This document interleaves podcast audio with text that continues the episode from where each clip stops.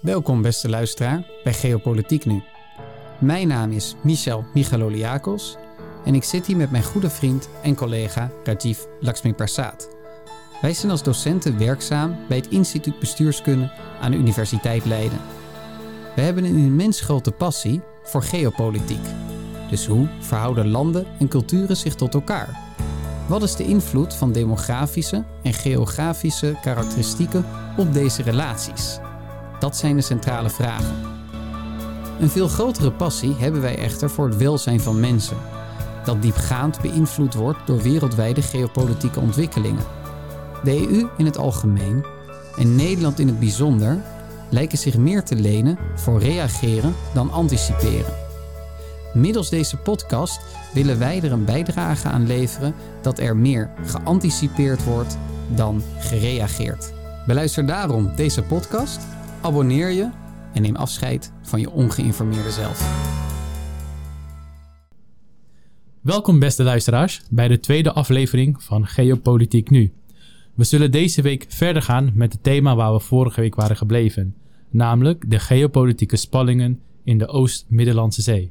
Vorige week bekeken we de geopolitieke spanningen vanuit een westers perspectief en deze week zullen we het vanuit een oosters perspectief bekijken.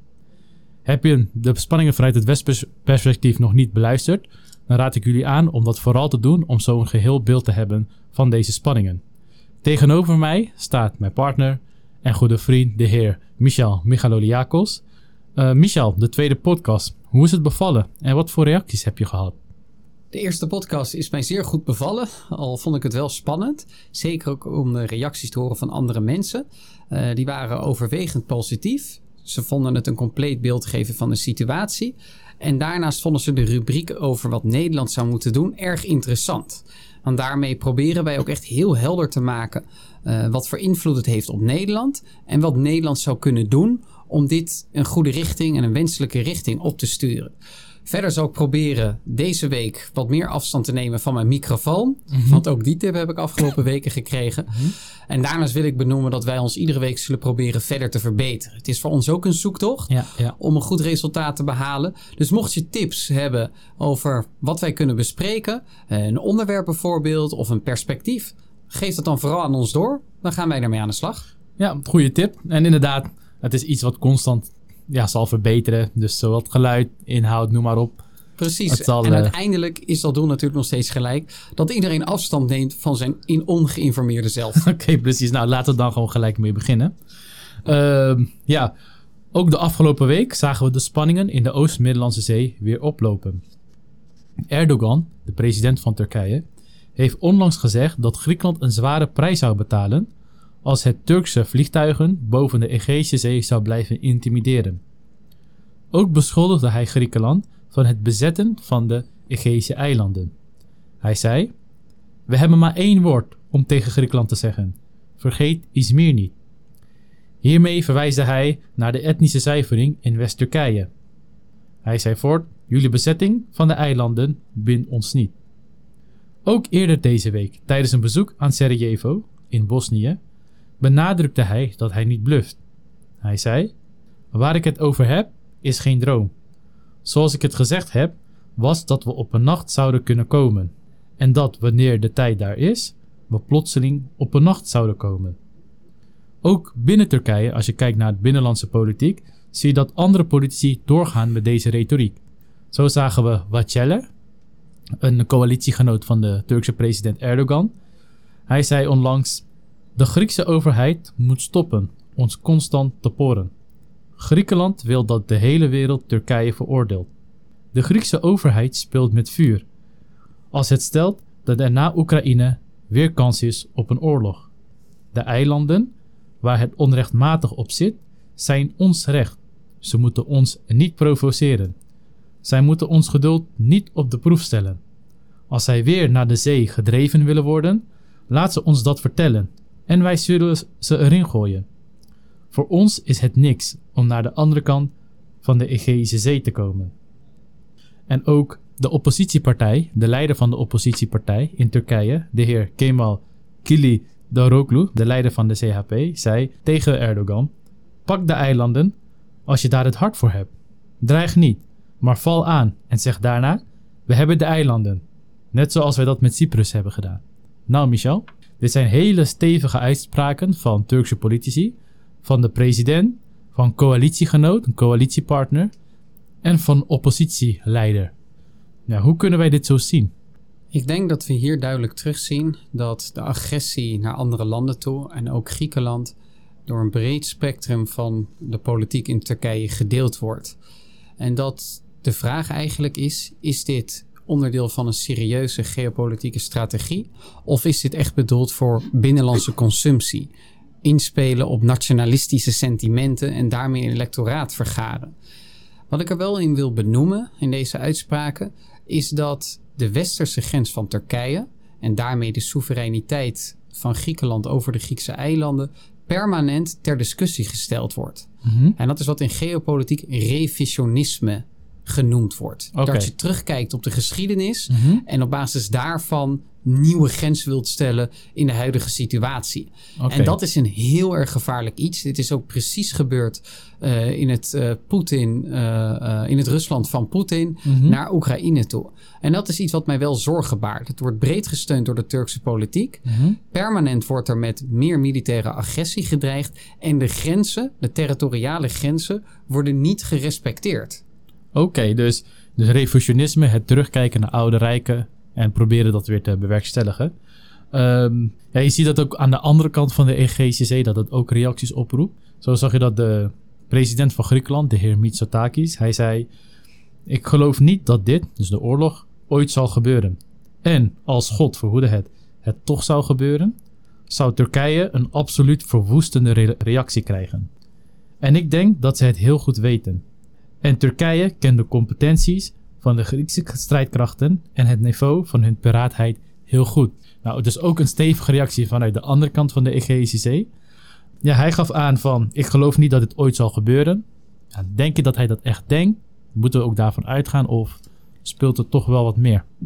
Ik, ik verwacht, en dat denk ik ook echt, dat Griekenland zich voorbereidt op alle mogelijke scenario's. Inclusief in militair conflict uh, op initiatief van Turkije. En dat kan dan te maken hebben met uh, binnenlandse redenen, maar ook met een geopolitieke strategie. Ik hoop dat Griekenland de internationale partners hier ook van weet overtuigen, zodat er een internationale gemeenschap is die een militair conflict weet te voorkomen. Griekenland moet zich ook voorbereiden dat dat wellicht niet het geval is. En daarvoor zijn de militaire krachten van belang. Mhm. En daarom die investering die we vorige week ook besproken hebben. En het permanent paraatstellen van de troepen. Uh, in afwachting van een eventueel mogelijke invasie of militair conflict. En ik denk dat uit deze uitspraak vooral zelfvertrouwen moet blijken. En dat dat de boodschap is die hij probeert over te brengen. En ik denk ook dat het gegrond zelfvertrouwen is. Want het militaire apparaat van Griekenland is sterk. Mhm. En is daarna volledig geënt op het tegenhouden van de Turken aan de oostgrens. De Oost-Mediterraanse Zee en de Egeïsche Zee. Oké, ja. Je kan het eigenlijk zien als van... We weten dat jullie niet zo dom zijn dat je het überhaupt gaat proberen. Eigenlijk zo, moet ik, zo kan je het zien. Zoals je het vaak ook hoort. Ja, eh, dat weet ik niet zeker. Dat durf ik niet te zeggen. Mhm. Maar ik heb wel het idee dat eh, de calculaties gedaan worden op dit moment. En dat het resultaat is: misschien gaat er geen conflict plaatsvinden. Maar we moeten ons Mhm. wel voorbereiden, want het zou zomaar zo kunnen zijn. Oftewel, onzekerheid alom. Maar agressieve eh, retoriek net zo goed. En daar moet je op voorbereiden. Ja, want ik zag onlangs een peiling van Metro News. En daarin stond dat ongeveer 51% van de Turken denkt dat dit soort retoriek, campagne-retoriek is in aanloop naar de verkiezingen van 2023. Eh, hoe sta je daar tegenover? Ik kan me goed voorstellen dat het Turkse electoraat dit denkt. Want zij Mhm. zitten, grosso modo, ook echt niet te wachten op een conflict met Griekenland. En zij hebben dagelijks te maken met de gigantische prijsstijging, de uitholling van de koopkracht, de uitholling van de rechtsstaat en daarmee ook hun welzijn. En zij zouden denk ik vooral een verandering hierin willen hebben en niet per se dat die nationalistische kaart gespeeld wordt. Tegelijkertijd weten we ook dat die nationalistische kaart buitengewoon effectief is. En als het dan intern echt heel erg gefragmenteerd, onzeker en instabiel geraakt, kun je natuurlijk proberen je land te verenigen door een externe vijand te zoeken. In dit geval Griekenland. Soms zijn het de Koerden, soms is het Syrië, vaak is het ook Amerika. Ook nu weer hebben we afgelopen week uitspraken, andere uitspraken gehoord, waarin gezegd werd op Turkse televisie, ook door regeringsfunctionarissen, dat Amerika Griekenland gebruikt Mhm. om Turkije te instabiliseren en militair aan te vallen. Oké, En dit soort ja. En NAVO-bondgenoot inderdaad. En dit Ja. soort anti-westerse, anti-Amerikaanse sentimenten, Mhm. die worden zwaar gevoed. Ja, want dat valt ook toe. op. Er staat 51%. Ja, 51 kan net zo gaan 50%. Dus de helft denkt dat het campagneretoriek is. Maar alsnog, de andere helft, ander significant deel, denkt dus niet dat het campagneretoriek is. Die verwachten dan ook iets als je, als je zo gaat. En daar zou de politie ook op moeten reageren. Als Ja. je verwachtingen schept. Ja, er is een deel dat Mhm. eh, hier geen mening over heeft. Maar een fors deel denkt inderdaad dat dit eh, serieuze woorden zijn van de verschillende Turkse politici. En die willen dan ook eigenlijk eh, resultaat zien, Ja. misschien op een bepaald moment. En dat zijn mogelijkerwijs ook de stemmers van volgend jaar. Ja, inderdaad. Daad bij woordvoeg. Als je het constant over hebt, willen ze het uiteindelijk ook zien. Ja. Ehm, dat was even het binnenlandse politiek van, van Turkije. Mijn excuses. We gaan nu even door naar het buitenland, naar het geopolitieke veld. Ja, er zijn verschillende landen, als je vanuit het Oosters perspectief bekijkt, zijn er verschillende landen betrokken in het geopolitiek schaakspel. Zou je kort kunnen uitleggen hoe dit geopolitieke speelveld eruit ziet? Ja, absoluut. Mhm. Er is een eh, soort gek bondgenootschap, niet een formeel bondgenootschap, Mhm. eh, ontstaan tussen verschillende landen. Met een verschillende religie, verschillende geografische ligging en een verschillend niveau van welvaart. Mhm. En dat zijn Griekenland, Cyprus, Egypte, Saoedi-Arabië, Verenigde Arabische Emiraten en Israël. Mhm. En dat is best een opvallende alliantie die, die tot stand is gekomen. En die probeert zich te weer te stellen tegen Turkije. En Turkije die heeft zich meer gericht op zijn eigen kracht allereerst. En daarnaast op samenwerkingen en geopolitieke schaakspelletjes met Rusland en Iran en Qatar. Oké, oh, dat is best wel apart. Dus je ziet Saoedi-Arabië, Egypte, Emiraten. Oké, zou je zeggen Arabische landen. Samenwerken, meer samenwerken met Cyprus, Israël en Griekenland. Ja. Beetje een aparte combinatie als je het zo bekijkt. Althans voor een gewone man, als ik het zo mag zeggen. Hoe komt het dat deze landen die zo ja, verschillende culturen, identiteiten hebben, toch misschien zelfs een vijandelijke geschiedenis, als je kijkt naar Israël, toch naar, ja, dat ze naar elkaar toe groeien? Ik denk dat dat valt samen te vatten in drie woorden. De Mhm. moslimbroederschap, Iran en Turkije. Oké, Deze factoren Mhm. hebben al deze landen die we zojuist besproken hebben, eigenlijk dichter bijeengebracht. En op grond van die externe dreigingen Mhm. eh, en geopolitieke en economische belangen zijn deze landen dichter bij elkaar komen te staan. En ja, dat is zeker een heel bijzondere alliantie. Ja, oké, dus we hebben het over Turkije, Iran. De moslimbroederschap, wat is dat? De moslimbroederschap Mhm, is een pan-islamitische beweging. mhm, Dat betekent dus dat zij uiteindelijk tot doel hebben de hele islamitische wereld te verenigen. mhm. en onder de heerschappij te plaatsen van de Koran en de islamitische leer. Oké. En deze organisatie is opgekomen in 1829 in Egypte, opgericht door Hassan al-Banna. En is eigenlijk een soort grassroot organisatie die probeert vanuit het verenigingsleven mensen bijles geven, ziekenhuizen, Mhm. bedrijfsleven, dus MKB, middel- en kleinbedrijven, een greep te krijgen op het maatschappelijk middenveld Mhm. en uiteindelijk ook op het private en het publieke eh, van een samenleving. En die heeft in Egypte een heel lange strijd gehad, af en toe Mhm. onderdrukt, af en toe weer groter geworden en heeft uiteindelijk zich gevestigd in de gehele islamitische wereld en ook nu in de Verenigde Staten en Europa. Oké, dus het is een, niet gericht op enkele landen, maar het is echt een, een internationaal organisatie, een internationale beweging. Ja. En als ik het goed begrijp, proberen zij dus via het maatschappelijk middenveld. Het kunnen scholen, ziekenhuizen, misschien zelfs sportverenigingen, madrassa's, Koranscholen, normale scholen. Ja, proberen zij volgelingen te krijgen. Ja. Ja, en dan richten zij ook bepaalde type mensen of ja, richten zich op iedereen. Ja, waar we normaal gesproken kunnen constateren dat Al-Qaeda en IS zich meer richten op de kansarme, kansloze jongeren. En die probeerden aan zich te binden. Heeft de moslimbroederschap zich hier ook wel ten dele op gericht. Maar die Mhm. legt meer nadruk op succesvolle en hoger opgeleide jongeren. Omdat ze dan de greep op de samenleving kunnen vergroten.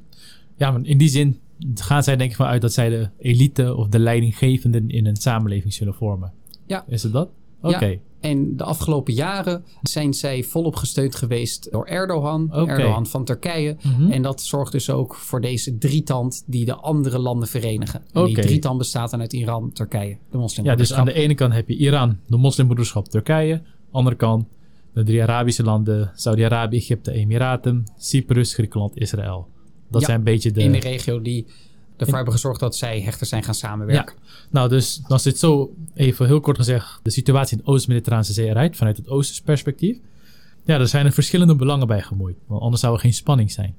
Over welke belangen hebben we het eigenlijk? soevereiniteit over zeeroutes, Mhm. vrije toegang daarvan, Mhm. die is van belang. En daarmee Mhm. ook de handel. Verder energie. Er zijn energiebronnen gevonden in de Oost-Mediterraanse Zee. Wie krijgt wat? Dat zorgt natuurlijk voor spanningen. En dan Mhm. hebben sommige landen voorkeur voor de een en de andere voorkeur voor de ander. Eh, dat doet ertoe. En defensie, defensiesamenwerking. Dus wapenexport en import. En zorgen dat er ook een interne, en dat geldt voor ieder land, een interne industrie op kracht gebracht kan worden, zodat je jezelf te weer kan stellen tegen externe dreigingen. En daarin kunnen we terugzien dat bepaalde landen waarvan je dat aanvankelijk niet gedacht had, steeds meer zijn gaan samenwerken. Zoals Israël, Saudi-Arabië, Ja. maar ook Israël en Griekenland. Ja, maar je ziet dat vooral ook op het gebied van energie zie ik dat ook terug. Ja. En defensie. Ik had laatst gelezen dat ook Griekenland en Israël defensiecontracten tekenen. Ook zelfs met Egypte allerlei verdragen tekenen. Dus daar zie je echt dat ze naar elkaar toe groeien. Ja. Ja, om even de belangen goed te begrijpen, is het denk ik belangrijk om de onderlinge relaties tussen de actoren met Turkije te bespreken. En met Turkije en Griekenland natuurlijk. En eh, ja, als we dan de onderlinge relaties tussen deze verschillende actoren met Turkije en Griekenland begrijpen, denk ik dat we beter de belangen, ja, beter inzicht hebben in de belangen en hoe ze precies zijn uiteengezet. Als we dan kijken naar Saoedi-Arabië, ja, hoe zit de relatie met Saoedi, tussen Saoedi-Arabië en Turkije? Hoe zit het in elkaar? En daarna kunt hebben tussen met Saoedi-Arabië en Griekenland. Saudi-Arabië en Turkije hebben een turbulente geschiedenis erop zitten. Mhm. En dat heeft onder meer te maken met de Ottomaanse geschiedenis. De Ottomanen hebben namelijk ook Saudi-Arabië gekoloniseerd. Mhm. In de 19e eeuw probeerde Saudi-Arabië onafhankelijk te worden van het Ottomaanse Rijk. Mhm. En daartoe heeft het koningshuis Saoed, en Mhm. hier is Saudi-Arabië ook naar vernoemd, naar dit koningshuis, Klopt, Ja. ook strijd toegeleverd. Nou, begin 20e eeuw heeft Saudi-Arabië zichzelf opgericht in de Mhm. jaren 30. En was er een soort, soort huwelijk gesloten tussen het religieus huis en het koninklijke huis. Mhm. En die hebben trouw aan elkaar gezworen. De ene heeft meer eh, macht over het wereldlijke, Mhm. de andere over het kerkelijke. Oké. En het Koningshuis van Saoed is eigenlijk uit het centrum en heeft eh, van daaruit dominantie weten te genereren over de rest van bedoel het centrum van Saudi-Arabië. Centrum van Ja, Saoedi-Arabië. ja, sorry. Ja. Eh. Centrum van Saoedi-Arabië. Ja. En heeft van daaruit macht weten te verwerven over alle delen van Saoedi-Arabië. Oké. En in de 20e eeuw is er wel enige verbetering zichtbaar geweest tussen Mhm. beide landen. Bijvoorbeeld vanaf de jaren 30 dat Saudi-Arabië eh, bestond, eh, is het hechter gaan samenwerken met Mustafa Kemal Atatürk. Mhm. Eh, later ook in de strijd tegen het communisme. Maar zij hebben op een gegeven moment ook, en vooral na de val van de muur, een grotere strijd met elkaar gekregen vanwege de invloed in de regio. Oké. En dan gaat het om invloed in die Arabische wereld. Waar Saudi-Arabië Mhm. zichzelf als de leider ziet van niet alleen de Arabische wereld, maar ook van de Soenitische wereld. Dat is Mhm. een stroming binnen de islam. Mhm. Heeft Erdogan in de laatste decennia geprobeerd zichzelf een Soenitisch-islamitisch leiderschap aan te meten. En Mhm. dat geprobeerd te verwerven. En dat doet het door hechtere banden op te bouwen met Pakistan. Door eh, meer en hechter samen te werken met Hamas in het Palestijns gebied. eh, door de moslimbroederschap te steunen. Door geheel de Arabische wereld. Mhm. En dat zet eigenlijk kwaad bloed bij Turkije. Dus daar zien we tegengestelde identiteiten. En ook tegengestelde belangen Ja, ja. namelijk in de invloedssfeer. En in 2017 heeft Mhm. dit dan ook geleid tot een soort uitbarsting. Saudi-Arabië heeft toen in de eigen ambassade Ja. een journalist uit Saudi-Arabië, Khashoggi, Khashoggi, inderdaad. eh, Khashoggi Ja. aan eh, stukjes, in stukjes gesneden Mhm. en daarmee vermoord. Dat is een verschrikkelijke gebeurtenis. Ja. Enorm ligu- luguber inderdaad. En Turkije heeft dit eh, geprobeerd te instrumentaliseren door dit op een juist moment naar buiten te brengen. Mhm. En daarmee een soort geopolitieke strijd aan te gaan met Saudi-Arabië. Ja, ik kan me herinneren dat ze echt de druk erop gingen zetten om, eh, om het te onderzoeken. Om na te gaan wat er precies is gebeurd. Ja. ja dat ze er echt op staat en dat Mohammed bin Salman, de koning van Saudi-Arabië, dat niet op prijs stelde. Hij heeft dit bepaald niet Nee. op prijs gesteld, want daardoor is Saudi-Arabië behoorlijk geïsoleerd geraakt in de Mhm. jaren erna, met name in de westerse wereld. En Turkije is hiervoor verantwoordelijk gehouden door Saudi-Arabië en door Mohammed bin Salman. Mhm. En dat heeft de verhoudingen verder op scherp gesteld. De, het laatste jaar vanwege de economische druk probeert Mhm. Turkije de banden met Saudi-Arabië wederom te verbeteren. Mhm. Maar dat is niet heel erg succesvol tot op heden. En hoe konden we dat mooi terugzien? Enkele maanden geleden is Erdogan op bezoek gegaan in Saudi-Arabië Mhm. om daarmee investeringen te werven voor in Turkije om die economische crisis te lijf te gaan. En er zijn geen concrete afspraken gemaakt voor investeringen. Mhm. En vooral hoe Erdogan werd geportretteerd in de Saoedische media, die onder eh, staatsmacht staan, Ja. dat was typerend. Er werden foto's gekozen die niet erg charmerend waren van oké. Erdogan. Maar Ja, als je ja. in een beweging je net anders opstelt, dan kun je natuurlijk altijd wel eens een niet zo charmante foto hebben. Klopt. En die werd net gekozen. En ik weet zeker dat er ook betere waren. En ook Ja. als je de artikelen leest, en dat kun je soms ook via Engelstalige media doen. Dan zie je duidelijk terug dat de wrok bij Saudi-Arabië er nog sterk in zit. Oké. En in de regio, Mhm. dat wil ik nog even expliciet benoemen, accepteert Saudi-Arabië Turkse interventies ook niet. En dan gaat het Mhm. bijvoorbeeld om in Irak, Syrië en Libië. En Ja. dan ga ik later iets wat Ja, dieper daar gaan we op in. later wat dieper op in. Ja. Ja, dus eigenlijk de grootste twistpunt tussen Saoedi-Arabië en Turkije is met de komst van Erdogan is eigenlijk ontstaan dat Erdogan de rol van de islamitische leider binnen de islamitische wereld, Soenitische islamitische we- wereld wil overnemen.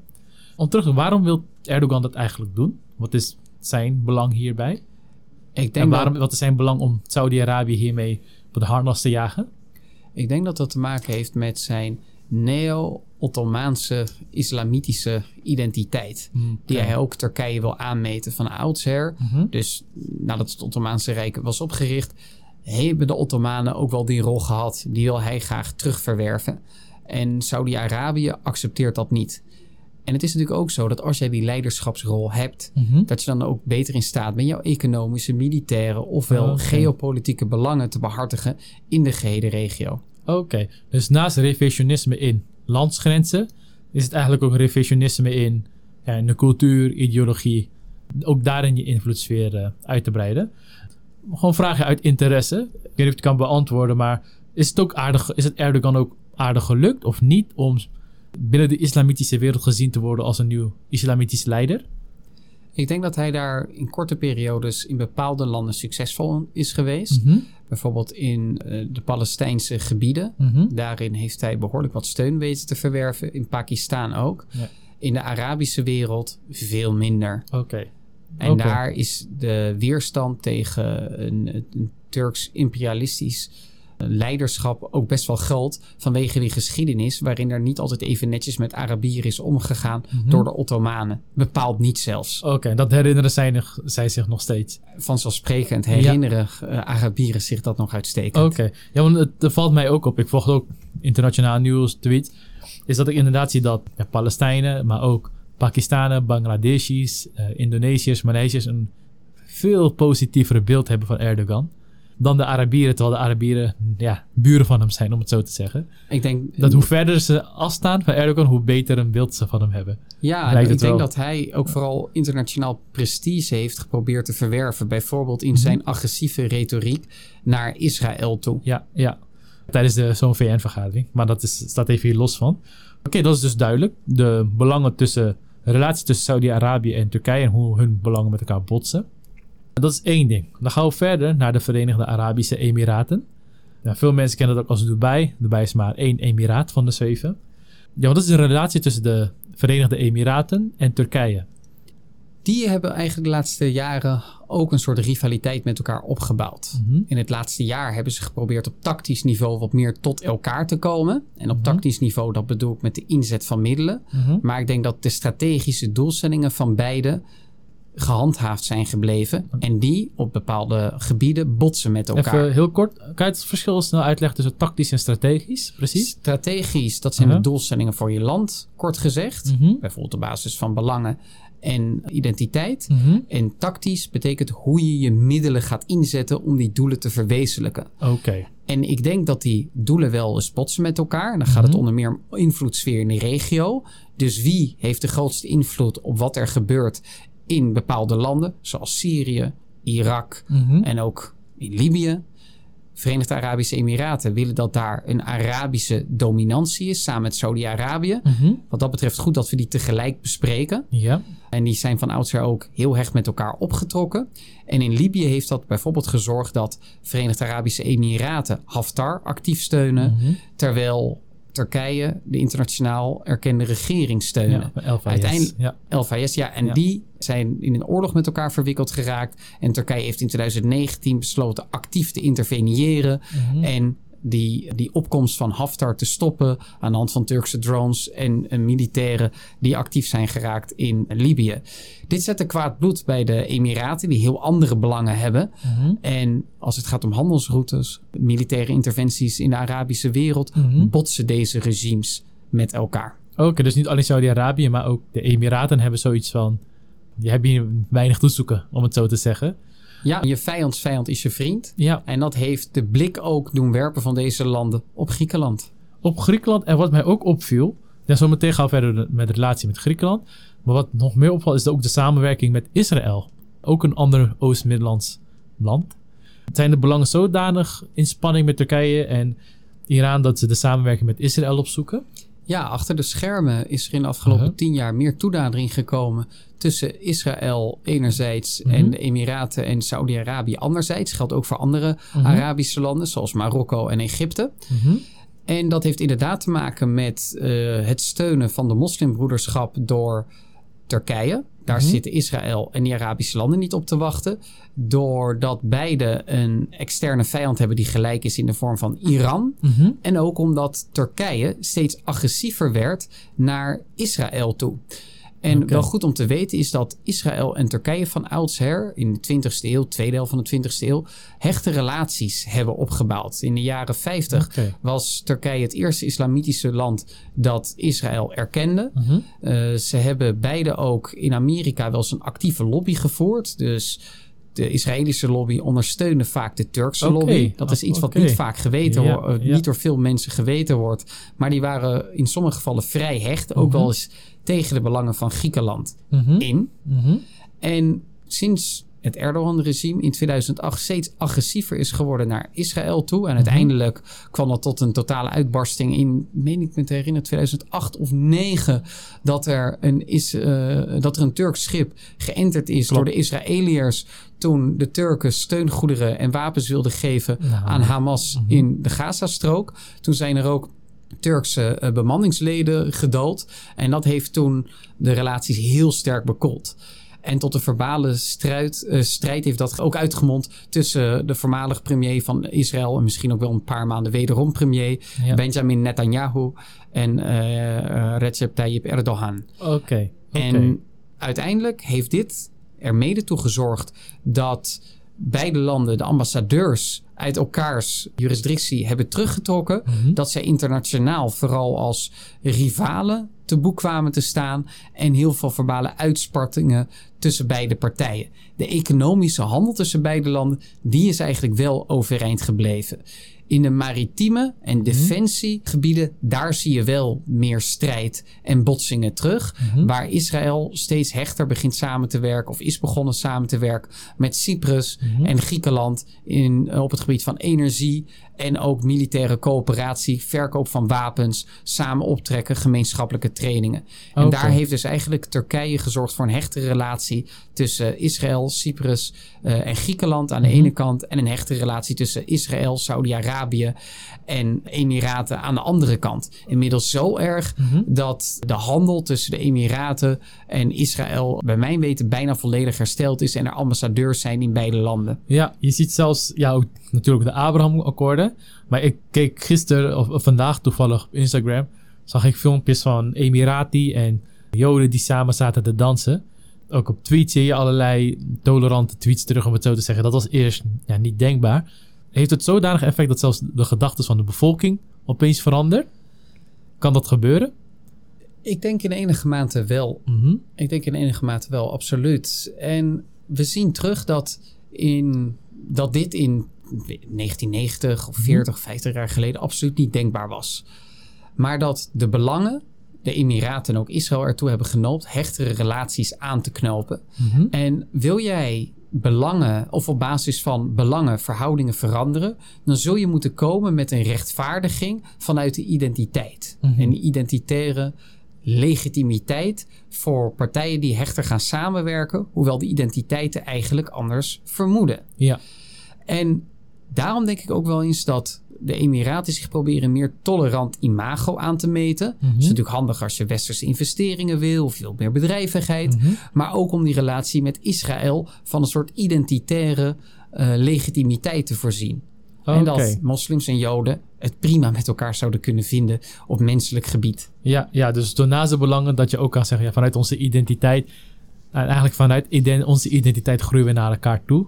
Dat misschien eigenlijk omgekeerd is. Er zijn belangen en die hebben geleid tot een vorming van identiteiten. Ja, of Eh, hervorming. Dat is ja. mijn lezing erop. Hè? Ja, dat is iedereen, kan eruit, iedereen kan er uiteraard eh, anders over denken. Maar ik vind dat heel erg interessant hoe je een belangen geïnitieerde verandering van de identiteit hebt. Oké, nou, we hebben dan dus gekeken naar het Arabisch Schiereiland. Dus Saoedi-Arabië, de Verenigde Arabische Emiraten. en We hebben Israël er ook bij gepakt. Geografisch gezien hoort het ook tot het ja, hetzelfde Schiereiland. We hebben de ontwikkeling van hun belangen besproken en hun relatie met Turkije.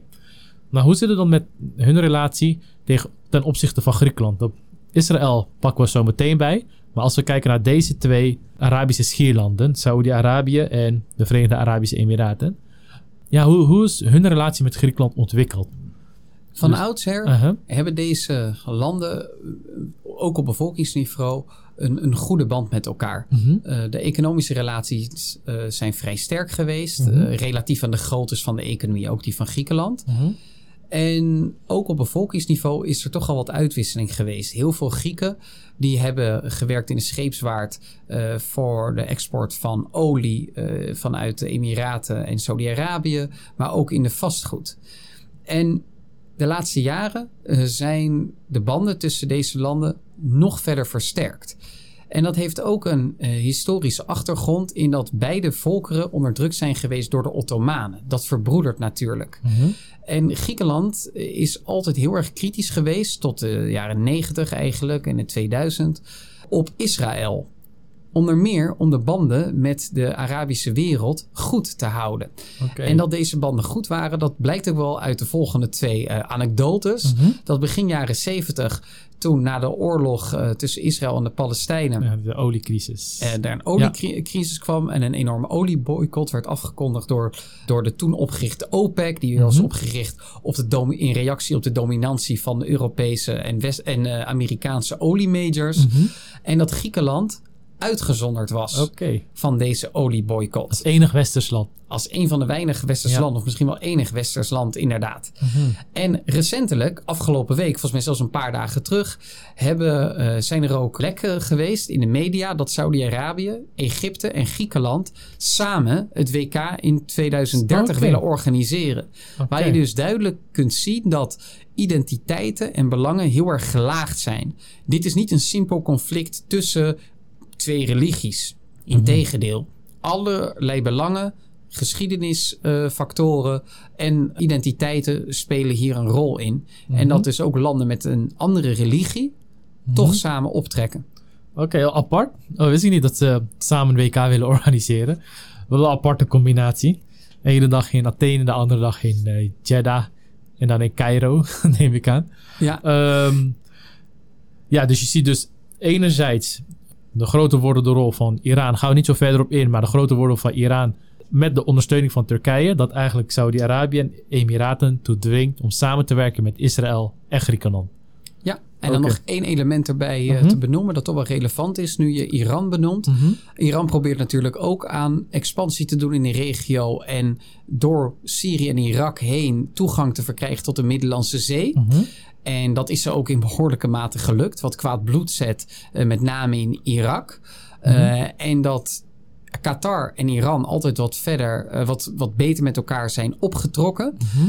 Dat heeft uiteindelijk enkele jaren geleden erin geresulteerd dat de Arabische wereld, dus Egypte, Saudi-Arabië, Emiraten en zo nog een aantal landen, een boycott hebben aangekondigd naar Qatar toe. Geen handel kon meer plaatsvinden. Dat in reactie daarop Turkije een basis heeft gestart in Turkije, een militaire basis, Mhm. om te voorkomen dat er militaire interventie vanuit de golfstaten zou plaatsvinden Naar Qatar toe. naar Qatar toe. Oké. En die relaties, die hechtere relaties tussen Qatar en eh, bepaalde moslimgroepen, eh, terroristische groeperingen en Iran toe, hebben ook eh, Oh, de relaties van Qatar met de, de andere golfstaten in het onder druk gezet. Ja, nou zo erg aan toe dat Saudi-Arabië is bezig een groot kanaal te graven tussen Qatar en Saudi-Arabië, waardoor Qatar een eiland wordt. Dat is ja, grappig om te weten. Als we dan kijken naar een ander belangrijk Arabisch land aan de Oost-Mediterrane Zee, dan zien we daar Egypte, een land met 106 miljoen inwoners. Eh, hoe is de relatie tussen Egypte en Turkije? En in hoeverre verhoudt dat met de relatie tussen Egypte en Griekenland? Zij hebben een lange geschiedenis. Mhm. En ook hier zien we de, het Ottomaans-Turks kolonialisme terug. Mhm. Tot in 1830 hebben de Ottomanen geheerst over Egypte. En dat is na een onafhankelijkheidsstrijd onafhankelijk geworden. Mhm. En nadien is het wederom eigenlijk gekoloniseerd geweest. onder invloed komen te staan van eh, Frankrijk en ook Engeland. Mhm. En is aan het eind van de 19e eeuw, zeg ik even uit mijn hoofd, het Suezkanaal gegraven. Een cruciaal kanaal voor de handel vanuit het oosten naar het westen toe. Want dan Mhm. hoef je niet om heel Afrika heen, maar dan heb je een soort sluiproute. Klopt. En in de 20e eeuw is er een behoorlijk turbulente geschiedenis geweest tussen Turkije en Egypte.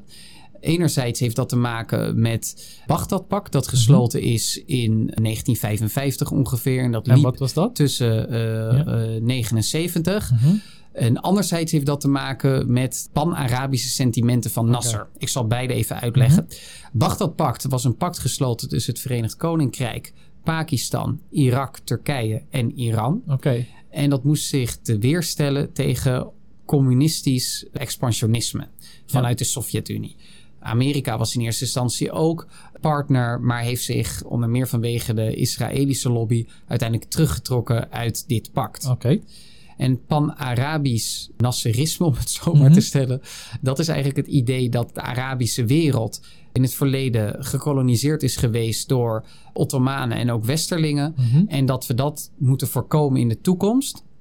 En dat daarom de Arabische wereld één zou moeten worden onder een toch wel nou, tamelijk seculiere Ja. Socialistische Unie, Ja, toch? seculier socialistische unie onder Mhm. leiding van Nasser. En voor de luisteraar, Egypte is ook wel echt een heel dominante speler geweest en nog Mhm. steeds wel in de Arabische wereld. De uitspraak was ook vaak: als Egypte niest, is de Arabische wereld verkouden. Ja. En in, ik kan het jaar niet precies herinneren, maar Even in de voor jaren de 60, de- nou, ik maak dit nog even. ja. Eh, In de jaren 60 hebben zij ook geprobeerd pan-Arabische Unie te starten. Mhm. En dat heeft geresulteerd in een heel kortzondige federatie tussen Syrië en Egypte. Mhm. En Turkije zat absoluut niet te wachten op een Syrië in de invloedssfeer van Mhm. Egypte. En dat heeft dus die relaties weerszijden op beïnvloed. Het Bagdad-pact Ja. en deze pan-Arabische Unie. Oké, en eigenlijk ook in Syrië heeft het nog steeds, ook een Oost-Mediterraans land, heeft het denk ik ook nog steeds, die zitten ook niet op de Turken te wachten, om het zo te zeggen. Vooral nee, als je op ook, Turkse interventies, eh, daar zat Bashar al-Assad absoluut Uh-huh. niet op te wachten. Nee, en eigenlijk ook niet de andere Arabische landen. Heeft ook kwaad bloed gezet. Ja. En wat in moderne tijden, in de afgelopen jaren ook kwaad bloed heeft gezet, is de Turkse interventie in Libië. Mhm. Daar kom ik zo over te spreken. Maar ook het steunen van de moslimbroederschap door Turkije. En de moslimbroederschap die uiteindelijk aan de macht kwam in Egypte in Mhm. 2013 onder leiding van Morsi. En dat was na eh, de val van Mubarak geboord, die Mhm. decennia lang aan de macht is geweest. En aan het einde van zijn, in de laatste decennia, hij was vrij lang aan de macht, ja. in de laatste decennia ook de moslimbroederschap echt proberen de kop in te drukken. Uiteindelijk is het toch gelukt om aan de macht te komen, eh, mede vanwege eh, Turkse ondersteuning. In 2014, een jaar nadat ze aan de macht waren en de, Egyptische economie aan het kwakkelen was, het maatschappelijk middenveld eh, woedend werd, eh, is er uiteindelijk een coup geweest. Mhm. En de luisteraar moet ook eigenlijk weten dat in Egypte eh, eh, het leger enorm sterk is en heel diep in de haarvaten van de samenleving is doorgedrokken. Mhm. Het is meer een leger met een staat. Ja. Ja. En dat is een politieke realiteit, een culturele realiteit en een maatschappelijke realiteit. Dus weet dat, verwittig jezelf daarvan. Mhm. En dat heeft uiteindelijk de relaties tussen Turkije en Egypte heel ernstig bekoeld. Oké, Eh, Turkije zelfs- was blij met Mohammed Morsi als president. En het leger, het Egyptisch leger, heeft daar een ja, stokje voor gestoken. Ja, en Eh, uiteindelijk eh, El Sisi aan de macht gebracht. En dit heeft uiteindelijk ook geleid tot El Sisi en Erdogan die elkaar beschimpten. Erdogan zei over El Sisi dat hij een tyrannieke leider is die antidemocratisch gekozen is. Ja, En El Sisi die heeft nou, niet een heel geheel onterecht verwijt gezegd dat Turkije uiteindelijk in het rennen moet komen eh, met, het, met de genocide van, eh, van de Armeniërs en dat erkennen moet. En ook aanstalten gemaakt om dat als Egypte te gaan erkennen. oké. En daar zijn heel veel spanningen Mhm. de- door vergroot geweest. En ook eh, op zee heeft dat wel eens geleid tot, tot, tot eh, nou, emotionele eh, erupties. En ook in Libië. Ja. En daar moeten we het toch heel even over hebben. Verder over gaan. Want in Libië zag je een burgeroorlog gaande. Gaddafi werd afgezet. Gesteund door het Westen, de rebellen. Nou, er is heel veel chaos. Uit zo'n chaos komt een soort eenheidsregering, El Fayez. Maar hij verprust het een beetje, om het zo te zeggen, qua economie, qua binnenlandsveiligheid. De, het bendegeweld leidt op. En dan zie je in het oosten van Libië, een ander Arabisch land aan de oost, ja, Midden-Oost, Mediterrane Zee, zie je ja, generaal opstaan, Haftar. En eh, hij treedt hard op, neemt de macht, één regering, probeert wat orde te scheppen in het chaos, om het zo te zeggen. En gaat op richting Tripoli. En dan gebeurt er wat, waar Turkije en Egypte mee te maken hebben. Wat gebeurt er dan? Turkije begint Anmas de eenheidsregering te steunen. En wil koste wat kost voorkomen dat Haftar de heerschappij grijpt in Libië. En heeft daardoor militairen en drones gestuurd om uiteindelijk Haftar weer terug te drijven naar het oosten van Libië toe. En Haftar die werd gesteund door onder meer Egypte, andere Arabische landen als Saudi-Arabië en de Verenigde Arabische Emiraten en ook Frankrijk. Italië steunde overigens de eenheidsregering. Ja, ja. Eh, dus ook binnen Europa steunen verschillende landen, verschillende partijen Ja. in dit conflict. Ja. En uiteindelijk heeft in 2019 Turkije Mhm. een memo- memorandum of understanding getekend Mhm. met de eenheidsregering nadat hij nou, voor een flink deel de soevereiniteit over Libië weer had terugveroverd. En deze memorandum Mhm. heeft heel veel kwaad bloed gezet in Griekenland en in eh, Egypte. Omdat het de eilanden en de soevereiniteit van Kreta Mhm. en Rodos volstrekt erkent. Terwijl dat een geografische realiteit is waar je niet omheen kunt. Ja, ja. En hij heeft een lijn getrokken, net alsof maritiem Egypte, eh, eh, Libië en Turkije aan elkaar grenzen. ja, terwijl als je even naar de kaart kijkt, zijn ze echt een afstand van elkaar. Grote afstand. Met en liggen Griekenland in het midden. met, met Griekenland en Egypte ertussen. Oké. En ook hun maritieme grenzen ertussen. Ja, dus ze hebben ges- als gedaan alsof hun zeeën niet bestaan. Dan hebben ze een lijn getrekt tussen Griekenland en, of eh, sorry, tussen Libië en Turkije. En gezegd, hier grenzen onze zeeën. Zonder rekening te houden met Egyptische en Griekse zeeën. Dus we zien dan zo een verslechterende relatie met Turkije. Vanuit Egypte, dus vanuit Saudi-Arabië, Emiraten begrijpen we, nu ook vanuit Egypte. Maar ook dan vanuit Egypte dan de vraag, een verslechterde relatie met Turkije enerzijds. Hoe dan de verbeterde relatie met Griekenland? Dat heeft te maken Mhm. wederom ten dele met het principe eh, je vijands vijand is je vriend. Dus eh, Turkije heeft voor een hechte relatie tussen Egypte en Griekenland gezorgd. Hoewel die relatie van oudsher ook al wat hechter is. En in reactie op dat memorandum dat Mhm. gesloten is, hebben in 2020, 2021 Griekenland en Egypte ook hun eigen maritieme grenzen gelimiteerd, gedelimiteerd. Mhm. En tussen Kreta en Egypte is er een bepaalde specifieke grens afgesproken, zodat uiteindelijk in de internationale orde en volgens het internationaal recht Griekenland en Egypte sterker staan. Waar, wat is het belang van deze twee landen hierbij? Mhm. Nou, natuurlijk je eigen territoriale wateren beschermen, ook op basis van internationaal recht, maar ook zeeroutes vrijhouden, zodat Egypte vrijelijk handel kan drijven met de Europese Unie, waaronder Griekenland. Je wilt niet Turkije daarvoor voor toestemming moeten vragen. Ja, ik snap het. En je wilt natuurlijk ook je eigen eh, eh, zeeën eh, exploiteren, of eerst exploreren Mhm. voor olie en gas, en later ook exploiteren. Dus energieonafhankelijkheid vergroten vanwege de naar vermoeden zeer grote gas en wellicht ook oliebubbels in de Oost-Mediterraanse Zee. Ja, ja. En anderzijds vaarroutes vrijhouden voor militaire en economische doeleinden. ja. Wat ik hierbij nog wil benadrukken is dat ook op defensieterrein Mhm. Griekenland en Egypte steeds hechter geworden zijn. En dat beide geregeld met elkaar maritieme oefeningen doen Mhm. en ook gebruik maken van elkaars militaire faciliteiten. Vorige week of enkele weken geleden heeft Griekenland bijvoorbeeld ook een eh, klein verdrag gesloten met Egypte dat Griekse officiers kunnen studeren aan de Nasser eh, Academie in Egypte. Oké. Wat denk ik ook helpt, helpt is dat Egyptisch regime een relatief pro-westers, pro-Amerikaans regime is.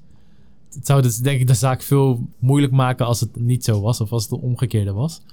Oké, dus in dat zin is het wel interessant. Dus je hebt samen een zee te beschermen. En je ziet eigenlijk een gezamenlijke ja, vijand dat beide zeeën probeert, of gebied van beide zeeën probeert af te pakken. En ook met zee of met olie, gasboringen dat die plaats zullen vinden. Je hebt ook ruimte nodig voor pijpleidingen. Je wilt inderdaad niet dat het naar, via landen verloopt waar je niet zo goed mee bent. Dus zo zie je dus dat Griekenland en Egypte ook daarom eh, dichter bij elkaar komen. Ja. Zie je ook eigenlijk dat er een, ja, hoe moet zal ik het zeggen, een, een wederzijdse relatie, een tegelijkertijd wederzijdse relatie ontstaat tussen Griekenland, Saudi-Arabië, Emiraten en Egypte. Dat ze zeg maar net als vier vrienden steeds gezamenlijk sterker worden. Of is het echt een afzonderlijke relaties die steeds verbeteren? Ja, dus is het een multilaterale Ja. eh, verband of is het in Echt uni- bilateraal? Elke keer een bilateraal verband. ja, en bilateraal eh, betekent tussen twee landen, multilateraal tussen verschillende landen. Mhm. En daar zien we op eh, beide gebieden toenadering. De East Med Gas Forum is een duidelijk voorbeeld van een multilateraal verband. Mhm. Daarin werken landen als eh, Frankrijk, eh, Griekenland, Italië, Cyprus, Israël, Egypte, Jordanië en wellicht ook binnenkort de Emiraten samen Mhm. om banden aan te halen. Mhm. En ook te zorgen voor infrastructuur, zodat gas van de ene naar het andere land gevoerd kan worden. En uiteindelijk is dit een platform waar ook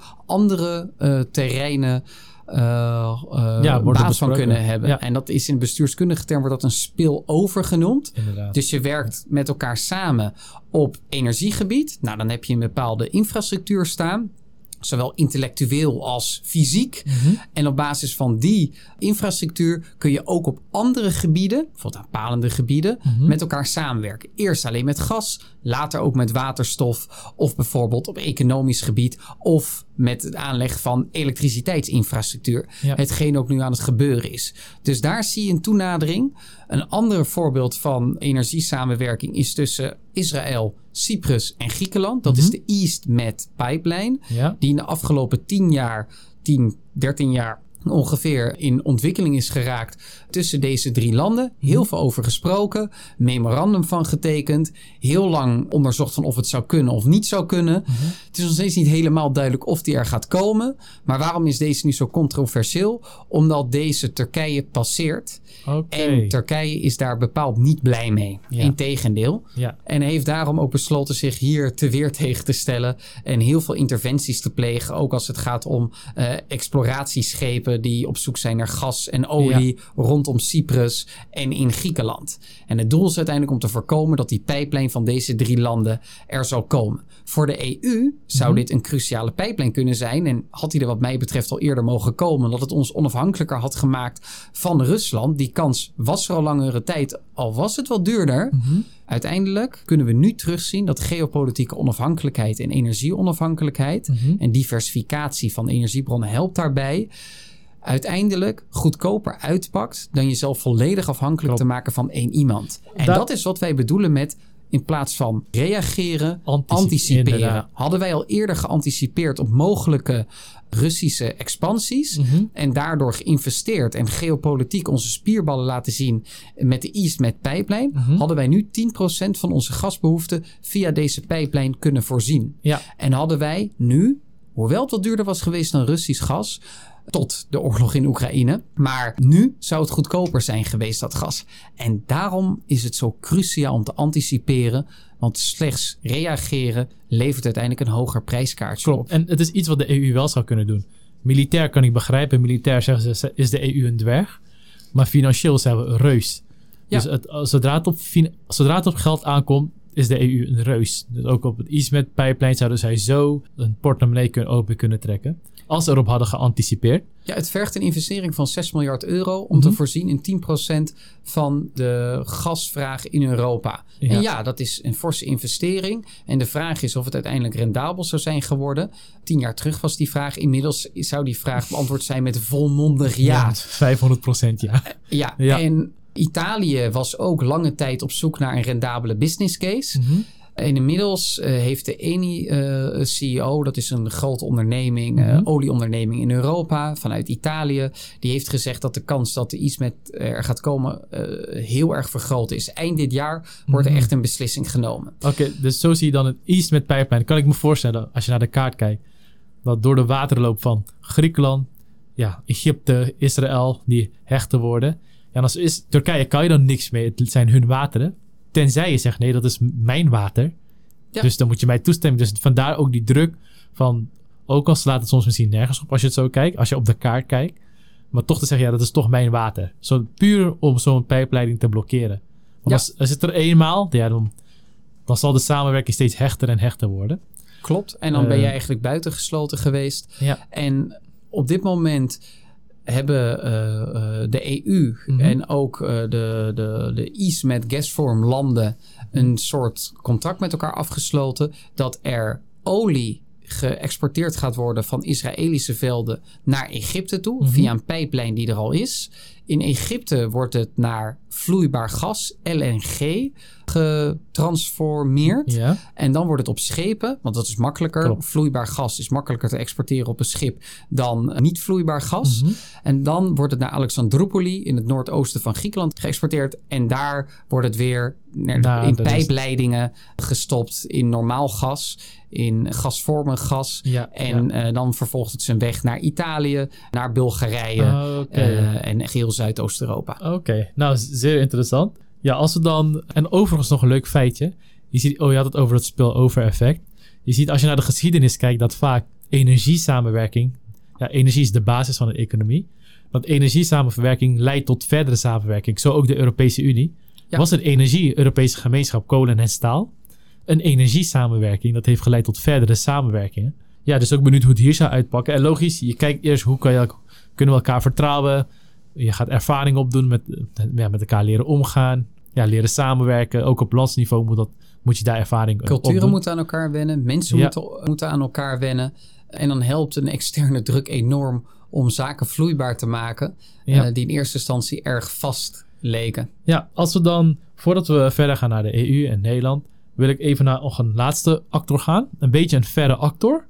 Waarvan je zou denken van, hm, wat heeft die hiermee te maken? Dat is wel een beetje heel ver. Dat is namelijk India. In hoeverre verhoudt India zich tot ja, Griekenland en Turkije, tot deze spanning? Wat hebben zij hier te zoeken, gezien zij een kwart wereld vandaan eh, staan? Ja, op het eerste oog Uh-huh. zou je zeggen dat India niet zoveel met, dit, met deze spanning te maken heeft. Mhm. Maar weinig dingen op de planeet zijn minder waar dan dat. En dat heeft te maken met die neo-Ottomaanse, eh, expansionistische, islamitische identiteit van Erdogan. Mhm. Die geleid heeft tot een hechtige samenwerking met Pakistan, waar hij de islamitische leider van wilde zijn. Nou, dat is qua identiteit. En dan het directe belang zit hem in de kernwapens die Pakistan heeft. Mhm. En waar Turkije toch ook wel op een gegeven moment wellicht zelf gebruik van zou willen maken. Of het nou informatieoverdracht is of directe toegang tot atoomwapens. En verder is sinds 2016, nadat de coup getracht is te plegen in Turkije, het gehele legerapparaat gezuiverd. Iedereen En werd in de gevangenis eh, gegooid. Heel veel werd, Ja. eh, de- honderden tot duizenden journalisten, politici, Koerdische leiders, eh Gulenisten uit het ambtenarenapparaat en ook in het leger, met name de luchtmacht. Want daar was het Erdogan, Erdoganisme nog niet zo gevestigd. Mhm. En luchtmacht, dat is een heel erg, niet alleen kapitaal, maar ook intellectueel Ja. Sector. Ja. En als jij daar de helft van wegzuivert, dan zorgt het ervoor dat je tekort hebt aan piloten. Ja, je kan En niet zomaar een cursus nemen. Precies, en Ja. dat de kwaliteit heel erg onder druk is komen te staan. Uiteindelijk heeft uh, Turkije de hulp ingeschakeld van Pakistan. Mhm. En vliegen er nu wel Pakistaanse piloten voor Turkije. Over Griekse gebieden. Mogelijkerwijs, ik, ik kan niet kijken in Ja, het ja. personeelsschema, maar mogelijkerwijs eh, ook eh, over Griekse gebieden, eh, maar zeker ook mogelijkerwijs over Syrische Ja. of Iraakse gebieden. Mhm. Want ook in Irak interveneert eh, Turkije vaak en eh, zet het de verhoudingen met Iraakse autoriteiten op scherp. Net als in Syrië. En deze verhouding Mhm. eh, tussen beide landen, dus Pakistan en Turkije, zorgt ook in VN-verband voor steun voor elkaar. Pakistan steunt Turkije als Ja. het gaat om Cyprus en in de strijd met Griekenland. Mhm. En Turkije steunt Pakistan als het Ja. gaat om de Kashmir-kwestie met India. Klopt. En ook stuurt inmiddels Turkije drones naar Pakistan toe. Iets wat kwaad bloed zet in India. En daar ga jij in de volgende podcast natuurlijk meer over vertellen. Je weet er Mhm. veel meer van dan ik. Mhm, Maar even mhm. kort voor de luisteraar. Dit zorgt er in dit conflict voor dat India en Griekenland eigenlijk hechter worden. Immers, je vijands vijand is je vriend. Mhm. Daarnaast zijn er toch wel lange historische relaties tussen India en Mhm. Griekenland, die vanwege de belangen nu extra gecultiveerd Klopt. worden voor de identitaire legitimiteit, voor de samenwerking tussen deze Ja. landen. Ja. En uiteindelijk zorgt dit er op dit moment voor dat India zich veel meer oriënteert op Griekenland, mede gestimuleerd door Israël. En dat niet alleen Israël wapens levert aan Griekenland, eh, dat eh, alleen Egypte participeert in Mhm. maritieme oefeningen, dat Amerika een defensieverdrag sluit met Griekenland, net als Frankrijk, Mhm. maar dat ook inmiddels India in de Egeïsche wateren vaart en meedoet met marineoefeningen. Met hulp van Israël. Moet ik het zo zien? Eh, Egypte en Israël en eh die landen daar zijn een vriendenclubje. Israël hoort er ook bij. En die nodigt eigenlijk soort van India uit om, om mee te doen. Ik denk dat in, ik, weet niet precies hoe dat gaat. Uh-huh. Ik denk de directe bilaterale relaties tussen India en Griekenland eh, zijn sterk aan de beterende hand. Ook omdat Mhm. Griekenland India kan helpen als toegangspoort naar de EU toe. Mhm. Net als voor Egypte. Bijvoorbeeld twee maanden geleden was er een Egypte-EU-top. Mhm. En eh, ging de eh, minister van Buitenlandse Zaken van Egypte samen met de minister van Buitenlandse Zaken van Griekenland, Nikos Vendias, Mhm. naar Brussel toe. Oké. En daar zie je dus dat Griekenland een soort toegangspoort kan spelen naar de EU toe. Ook binnen de Oké. NAVO, ook Ja. dat is van belang Mhm. eh, voor Egypte. En hetzelfde geldt voor India. Dus ook India, via het principe je vijands vijand is je vriend, Mhm. wordt steeds hechter met niet alleen Israël, van oudsher hebben die al eh, hechte relaties, maar ook met Griekenland Ja. en Cyprus. Dat wordt een hele interessante ontwikkeling. Ja, en dan wil ik hier nog bij benadrukken. Waarom is dit nu zo van belang? En dan ga ik Israël even als voorbeeld nemen. Israël heeft ontzettend hechte relaties met Amerika. Daar is iedereen bekend mee. Heb je ook Mhm. allerlei conspiracy-theorieën Ja. over. Over de Joodse lobby die Amerika stiekem eh, beheerst Ja. en, en dat soort onzin. Maar er zit wel iets in dat Israël heel actief probeert een grootmacht aan zich te binden. Net als Mhm. Griekenland en heel veel andere landen dat proberen.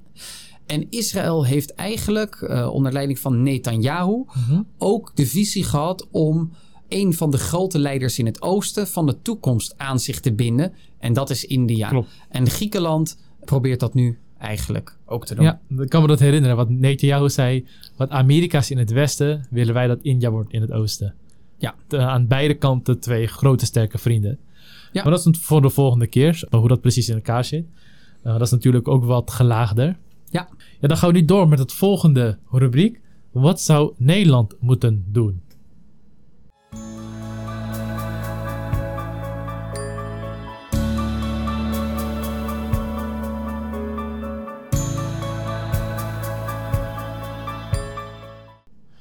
Nou, welkom bij onze volgende rubriek. Wat zou Nederland moeten doen?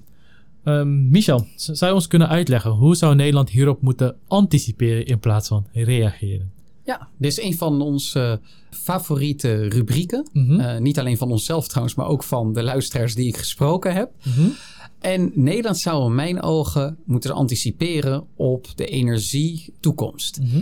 En wij willen graag wegdiversificeren van onze afhankelijkheid. Bijvoorbeeld Rusland. En ik denk ook dat we dat zouden moeten doen van Azerbeidzjan. eh, omdat dat ook een expansionistische macht is ten oosten van Turkije. Mhm. In de richting van Armenië, dat zien we nu terug. Dus wat zou nu goed zijn om te doen? Om als Nederland in EU-verband, maar ook unilateraal, te proberen deze energieinfrastructuur mede te financieren. Kun je er wellicht ook zelf aan profiteren. Mhm. En exploratie eh, en exploitatie uiteindelijk in die Oost-Mediterraanse Zee te financieren en te faciliteren.